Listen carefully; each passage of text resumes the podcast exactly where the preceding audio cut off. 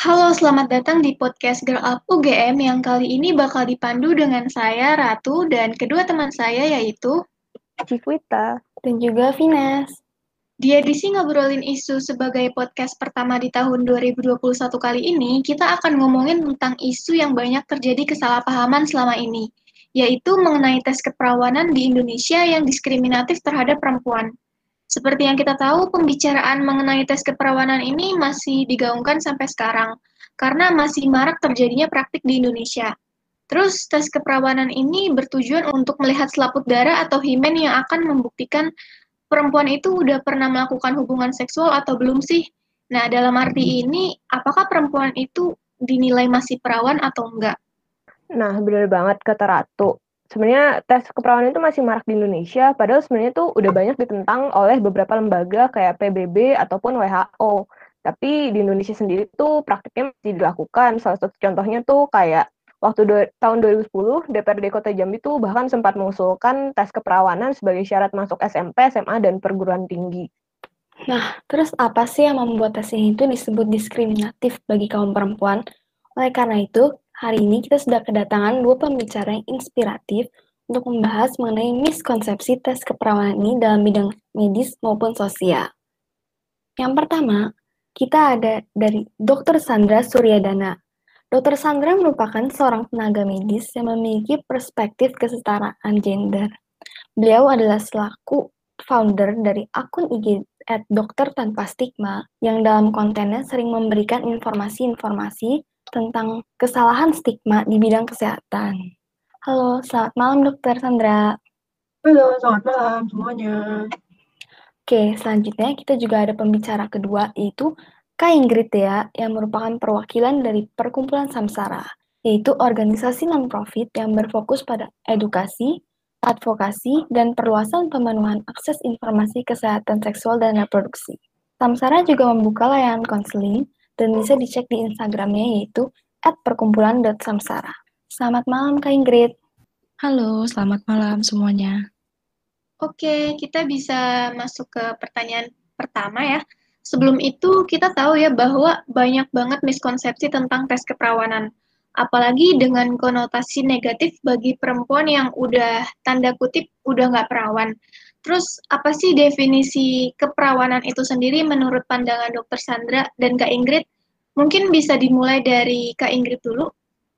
Ya, jadi di sini kalau menurut saya untuk keperawanan sendiri ini merupakan produk atau turunan dari budaya patriarki ya.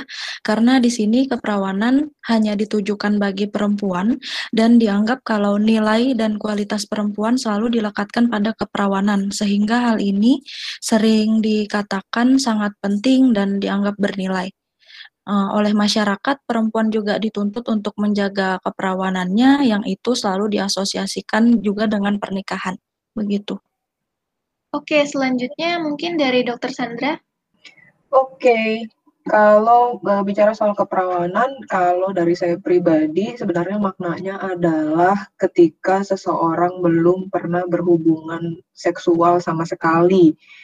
Uh, seseorang di sini individu uh, tidak berarti harus perempuan, tetapi gender apa pun, laki-laki maupun gender yang lainnya. Uh, uniknya adalah uh, itu adalah definisi dari saya pribadi. Saya pernah bikin uh, Instagram story di akun dokter tanpa stigma tentang uh, ya istilahnya kayak survei kecil-kecilan ya di follower saya. Apa sih uh, definisi keperawanan untuk mereka masing-masing?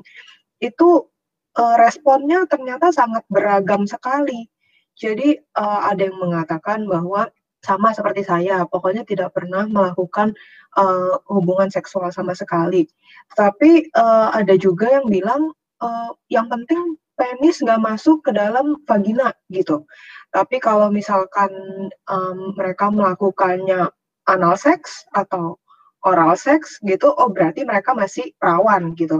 Atau nggak um, apa-apa pakai jari gitu, tapi uh, yang penting jangan sampai misalkan jangan sampai uh, apa selaput darahnya robek gitu keluar darah gitu asalkan belum ada keluar darah oh berarti dia masih masih perawan gitu jadi ternyata dari survei kecil-kecilan itu aja tuh saya menemukan bahwa dari antara kita sendiri aja tidak ada definisi yang uh, pasti yang ajak tentang uh, apa itu sebenarnya perawan atau keperawanan itu gitu. Jadi uh, kalau dari definisinya aja masih belum jelas, kenapa juga kita masih terus-terusan berkutat di seputar isu ini gitu. Oke baik. Terus juga banyak sumber bilang kalau tes keperawanan itu dinilai nggak ilmiah karena beberapa hal yang merugikan perempuan. Nah, menurut Dokter Sandra, apa sih definisi tes keperawanan dalam dunia medis dan gimana prosedur untuk melakukan tes tersebut? Nah, sebenarnya uh, terms keperawanan itu sebenarnya tidak ada di dalam dunia medis. Ini yang orang sering salah karena mereka kan kalau tes keperawanan itu perginya ke dokter ya. Uh, jadi semua langsung beranggapan bahwa uh, keperawanan itu adalah terms medis. Padahal uh, di dalam dunia medis kita tidak mengenal istilah keperawanan ini gitu. Jadi tes keperawanan pun secara medis sebetulnya tidak ada. Yang ada adalah tes uh, pemeriksaan selaput darah. Nah, pemeriksaan selaput darah ini pun kemudian jadi bias dan bergeser fungsinya gitu. Uh, karena itu dia selaput darah di dikorelasikan dengan keperawanan kan dengan belum pernah berhubungan seksual gitu. Uh, padahal sebenarnya bisa terjadi trauma atau luka atau robekan di selaput darah itu tidak hanya uh, bisa terjadi karena hubungan seksual saja. First of all, keberadaan selaput darah itu sendiri saja secara medis masih belum ada yang bisa memastikan sebenarnya kenapa itu bisa uh, ada selaput darah di situ dan fungsinya untuk apa. Jadi uh, sejauh ini itu masih uh, sangat diperdebatkan kenapa kenapa bisa ada selaput uh, di yang depan yang vagina itu ya. Uh, fungsinya pun nggak ada yang tahu gitu. Uh, nah, jadi kalau misalkan mau dilakukan uh, pemeriksaan selaput darah ini, sebenarnya seharusnya tidak untuk keperluan um, memeriksa apakah dia pernah berhubungan seksual atau enggak gitu. Karena karena uh, apa tuh logikanya nggak nyambung. Kalau selaput darah bisa uh, luka atau robek uh, tidak hanya karena hubungan seksual bisa karena kecelakaan karena olahraga karena um, yang lainnya uh, berarti pemeriksaannya kan bukan untuk mem memastikan bahwa orang ini sudah pernah berhubungan seksual atau belum kan. Jadi pada saat dilakukan pemeriksaan selaput darah itu, dokter hanya akan bisa menyimpulkan ada robekan atau tidak di selaput darahnya. Hanya itu saja. Hanya sampai di situ aja. Dokter tidak akan bisa uh, langsung lompat pada kesimpulan bahwa oh dia uh, sudah pernah berhubungan seksual gitu. Jadi uh, hanya sampai di situ aja. Dan sebenarnya fungsi uh, dilakukan tes uh, pemeriksaan selaput darah ini kalau di medis salah satunya adalah uh, untuk mendukung pemeriksaan kepolisian kalau terjadi uh, kekerasan seksual misalnya. Jadi misalkan uh, diduga ada terjadi ke keperkosaan gitu ya.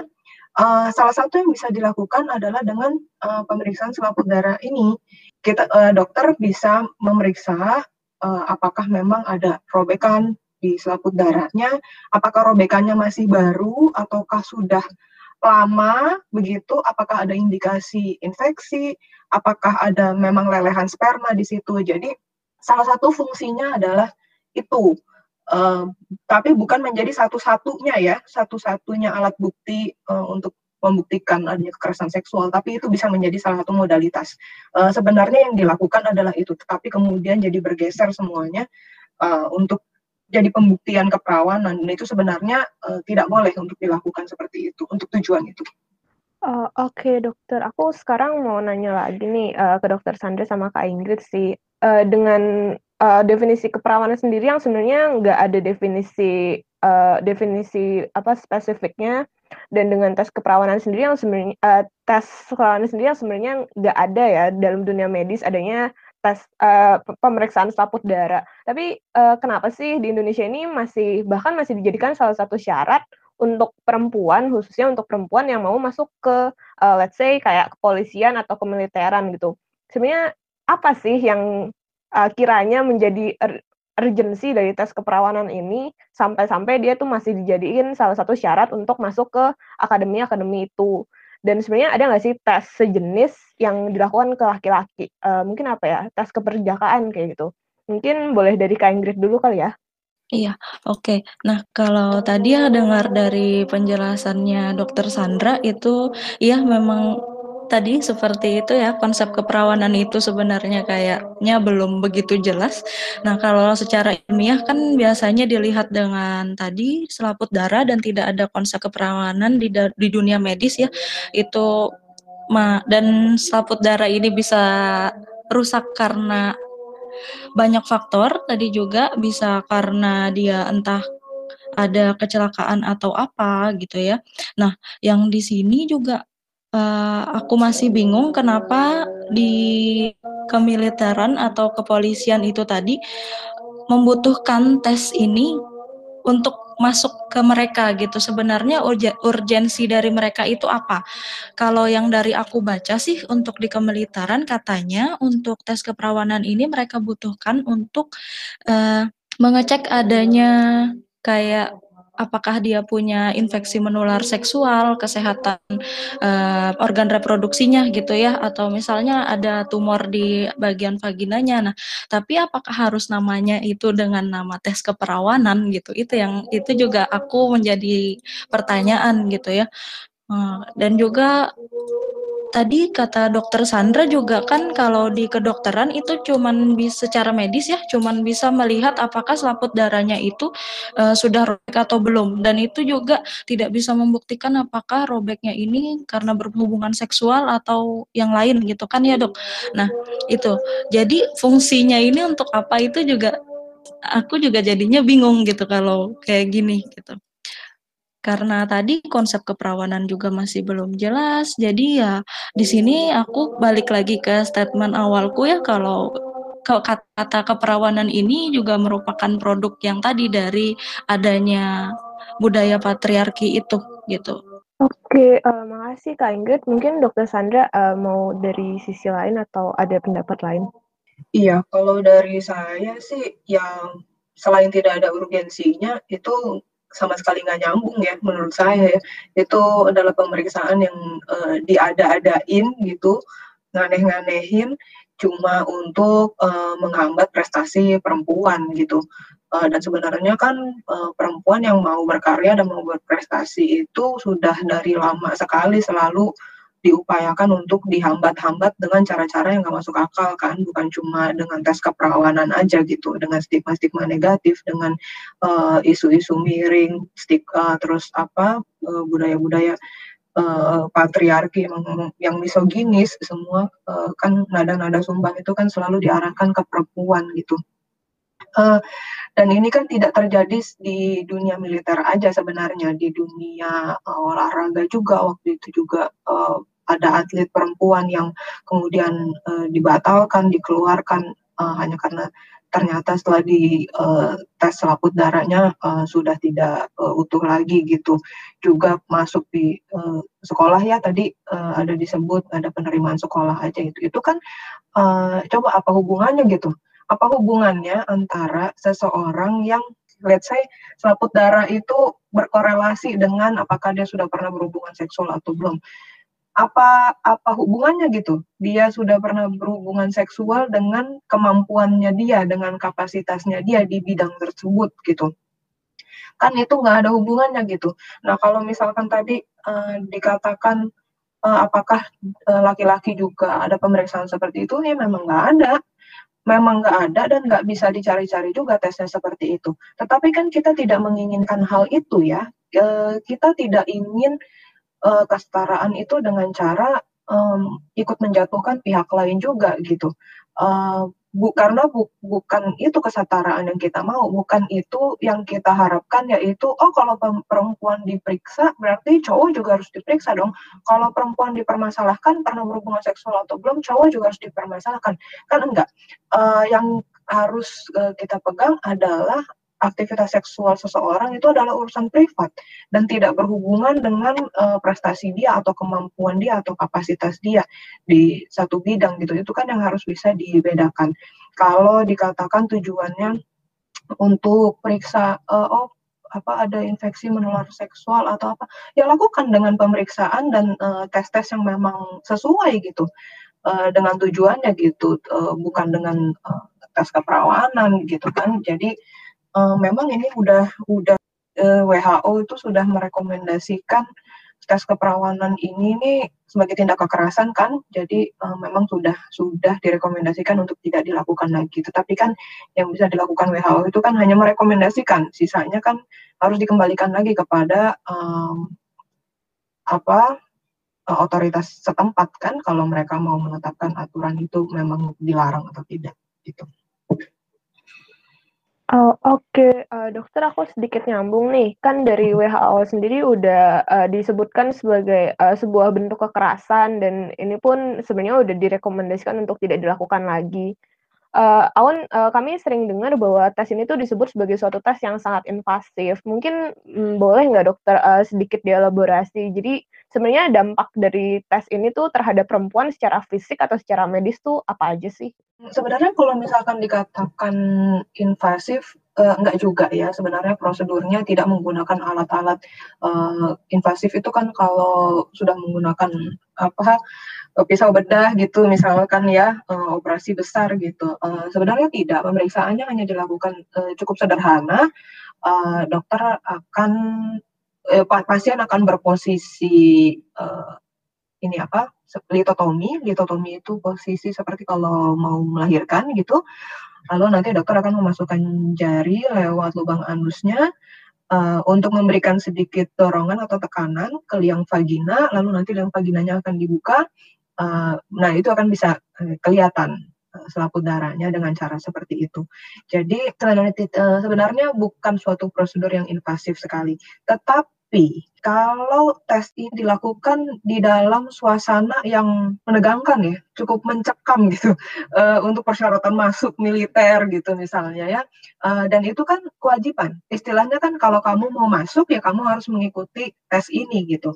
Uh, jadi uh, banyak sekali yang sebenarnya merasa tidak nyaman untuk diperiksakan uh, pemeriksaan ini gitu. Uh, untuk membuka pakaian saja gitu ya telanjang bulat mengekspos area intim di depan orang lain itu aja kan sudah membuat tidak nyaman gitu kan. Uh, apalagi ini harus diperiksakan seperti itu. Uh, biasanya menyebabkan ketidaknyamanan secara psikis aja. Tapi kita juga nggak boleh lupa bahwa pemeriksaan ini juga bisa dilakukan kepada korban-korban perkosaan. Nah, di sinilah yang agak-agak tricky dan uh, bisa potensi masalah karena uh, dengan pemeriksaan yang seperti itu meskipun tidak invasif, tetapi itu kan uh, bisa menimbulkan retrauma kepada pasien uh, korban kekerasan, jadi uh, bisa membebani dia lagi secara uh, psikis gitu, meskipun secara fisik tidak ada uh, efek yang berat sakit atau apa gitu sebenarnya nggak ada gitu karena kan pemeriksaannya uh, sebentar aja sebenarnya tidak sampai satu menit gitu tapi lebih berat di psikisnya aja sih untuk uh, pemeriksaan seperti itu. Oke dokter, thank you. Aku mau geser ke Kak Ingrid lagi nih. Uh, tadi kan dokter Sandra udah sempat uh, mention bahwa sebenarnya efeknya ini lebih ke psikisnya aja dibanding secara fisik. Mungkin uh, dokter Sandra juga tadi udah sempat mention bahwa untuk di korban perkosaan justru malah bisa menyebabkan retrauma gitu. Mungkin kalau dari Kak Ingrid sendiri, uh, apa sih Kak uh, dampak dari tes keperawanan ini dari sisi sosialnya gitu atau dari sisi psikisnya, terutama uh, kalau mau kita bawa lagi kepada korban-korban uh, yang punya trauma gitu, misalkan kayak korban perkosaan. Iya, untuk dampak tes keperawanan ini sendiri kepada perempuan secara psikis tadi seperti yang Dokter Sandra bilang, ini bisa jadi akan sangat mengganggu untuk perempuan itu karena tadi merasa tidak nyaman ya area bagian private-nya itu dilihat oleh orang lain bahkan disentuh gitu ya. Nah, Uh, bahkan sebelum adanya tes keperawanan ini juga uh, dulu kita di sosial juga mengenal stigma terkait keperawanan ini. Itu saja sudah cukup meresahkan. Itu bagi saya yang perempuan itu sudah cukup meresahkan. Karena dengan adanya stigma ini stigma keperawanan ini perempuan itu apalagi ada tesnya kayak gini ya di dilihat selaput darahnya apakah sudah robek atau belum itu bisa menyebabkan kalau kondisi psikis perempuan itu bisa merasa jadi uh, rendah diri dan bisa menganggap dirinya tidak bernilai hanya karena sudah tidak perawan atau hanya karena uh, selaput darahnya tadi sudah robek gitu padahal uh, konsep keperawanan ini seperti yang tadi kita sudah bahas ini merupakan bentuk dari uh, patriarki gitu ya. Nah, ini karena adanya stigma keperawanan di sosial yang ini yang menyebabkan akhirnya ketika adanya tes keperawanan mungkin bagi perempuan itu merasa kayak semakin tidak nyaman gitu karena ya itu tadi emang kalau misalnya dia kehilangan keperawanan karena kecelakaan atau ke uh, pemerkosaan itu dia akan flashback ke trauma dia waktu bagian-bagian sensitifnya dipegang oleh orang yang bagi dia itu sangat menakutkan gitu. Nah, ini akan mengguncang psikis dia lagi gitu. Nah, lalu juga kalau misalnya ini dilakukan kepada yang tadi, kalau misalnya memang dia tidak perawan karena memang sudah melakukan hubungan seksual, ya terus kenapa harus dites lagi gitu loh. Ini akan membuat perempuan itu jadi down gitu, jadi tidak pede tampil lagi gitu. Padahal ya tadi nilai diri seorang perempuan kan tidak hanya dari keperawanannya saja gitu. Oke, karena tadi udah sempat disinggung juga nih tentang kekerasan berbasis gender. Menurut Kak Ingrid sendiri ini, apakah tes keperawanan itu bisa digolongkan sebagai suatu kekerasan berbasis gender? Bisa dijelaskan alasannya dan juga aspek apa saja yang membuat suatu tindakan itu dapat dikategorikan sebagai kekerasan berbasis gender, Kak?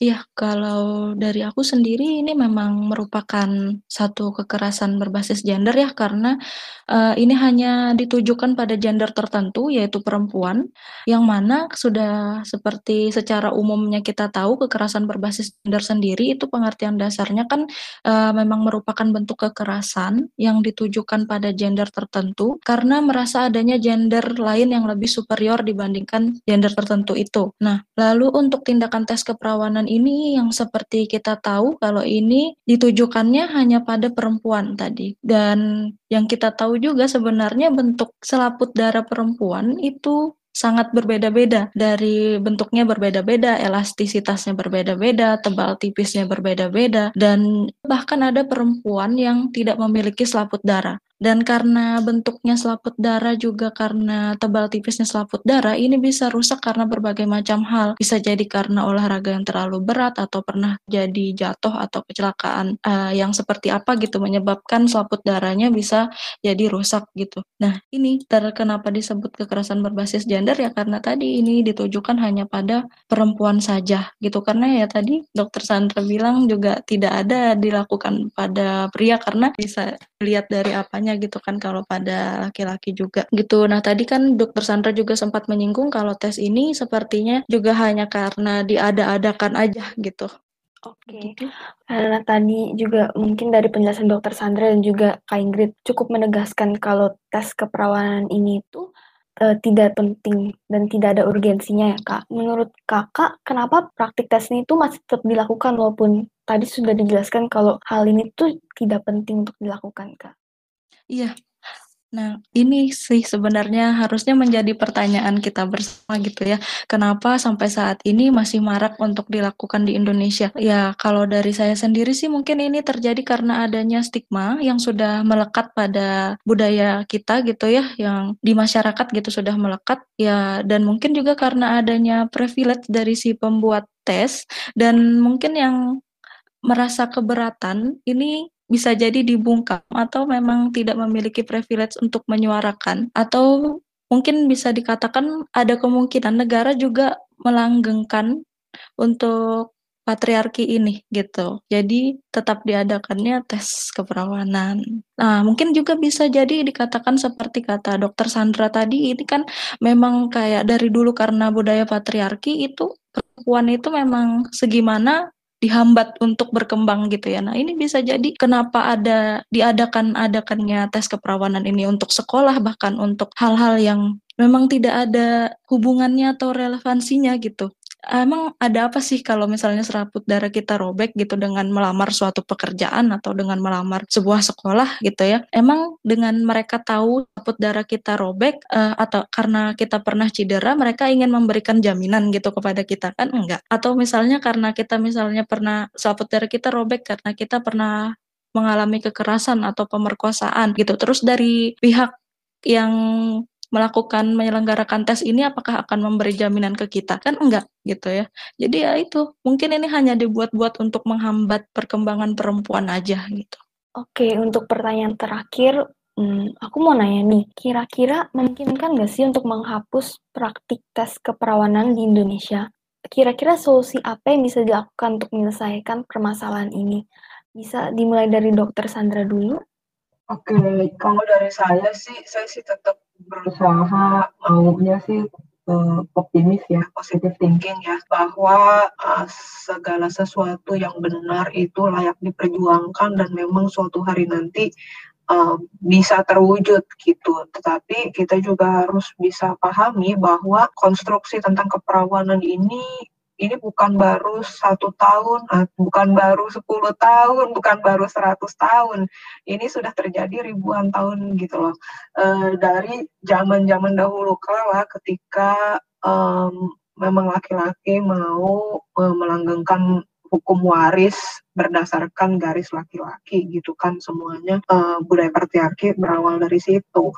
Jadi tentunya kita juga harus realistis bahwa uh, untuk bisa membongkar uh, konstruksi soal keperawanan ini juga nggak bisa cuma kita berjuang selama satu tahun, dua tahun, sepuluh tahun, dua puluh tahun uh, nggak bisa. Mungkin ini akan membutuhkan another thousand years gitu. Jadi um, yang nggak masalah, pokoknya kita uh, terus saja berusaha anak-anak muda harus uh, cepat melek uh, dengan banyaknya media sosial sekarang kan informasi cepat ya bisa kita dapatkan. Anak-anak muda semangat banget geraknya cepat harus uh, rajin menyuarakan uh, ini semua gitu. Dan uh, kalau dari saya sebenarnya berharapnya uh, ada perwakilan dari perempuan atau anak muda yang berani untuk masuk ke jabatan-jabatan publik, pemerintahan atau um, figur-figur otoritas gitu yang bisa memberikan uh, dampak melalui kebijakan gitu. Karena uh, kita lihat sendiri kalau kita semua hanya bekerja di level akar rumput aja akan sulit juga dan akan lama juga tercapainya. Terkadang dibutuhkan dorongan berupa kebijakan-kebijakan uh, supaya bisa segera semuanya diimplementasi, tidak ada lagi instansi atau organisasi atau apa lembaga apa pun yang memperlakukan tes keperawanan ini gitu ataupun aktivitas-aktivitas lain yang menekan perempuan gitu. Jadi uh, saya sih berharapnya itu harus ada solusi dari level kebijakan. Nah, ini yang perlu kita upayakan juga. Jadi kita harus mendorong perwakilan-perwakilan perempuan di eh, jabatan-jabatan uh, politik itu gitu supaya mereka bisa membawa perubahan uh, secara nasional ya. Jadi semuanya rata uh, seluruh Indonesia bisa dapat uh, kebijakan yang adil lah setara untuk perempuan gitu. Oke, mungkin karena Dokter Sandra sudah menyampaikan pendapatnya, kita bisa dengar pendapat dari Kak Ingrid. Iya, kalau dari saya sendiri juga uh, masih tetap optimis ya untuk ini bisalah uh, dihilangkan gitu. Untuk caranya sendiri itu mungkin bisa dengan mengubah mindset orang-orang terkait definisi keperawanan itu sendiri gitu ya. Dan ini juga untuk mengubah mindset ini kita ya dengan cara untuk gencar melakukan edukasi terkait cash pro yang komprehensif gitu ya. Nah, ini sih sebenarnya kalau kita berani ya kita bisa untuk memutus generasi agar stigma ini bisa hilang. Jadi mulai dari sekarang gitu mungkin bisa bisa di, langsung diadakannya aja untuk pendidikan Pro yang komprehensif kepada generasi selanjutnya. Jadi uh, dimasukkan ke dalam kurikulum pendidikan gitu untuk pendidikan Pro-nya gitu. Jadi bisa mungkin bisa jadi lebih cepat gitu dari yang kita bayangkan kalau misalnya memang ini dimasukkan ke kurikulum pendidikan ya dan sedini mungkin sudah diajarkan terkait cash pro gitu. Ini mungkin ya kalau misalnya berjalan dengan baik bisa jadi 10 sampai 20 tahun ke depan konsep keperawanan ini sudah berbeda lagi atau sudah menghilang gitu. Dan juga harapannya sih seperti yang tadi juga Dokter Sandra bilang dengan anak-anak muda yang memiliki pengetahuan cash pro ini bisa akhirnya memimpin negeri dan menghilangkan stigma tentang keperawanan dan juga menghilangkan tes keperawanan yang nggak jelas ini gitu.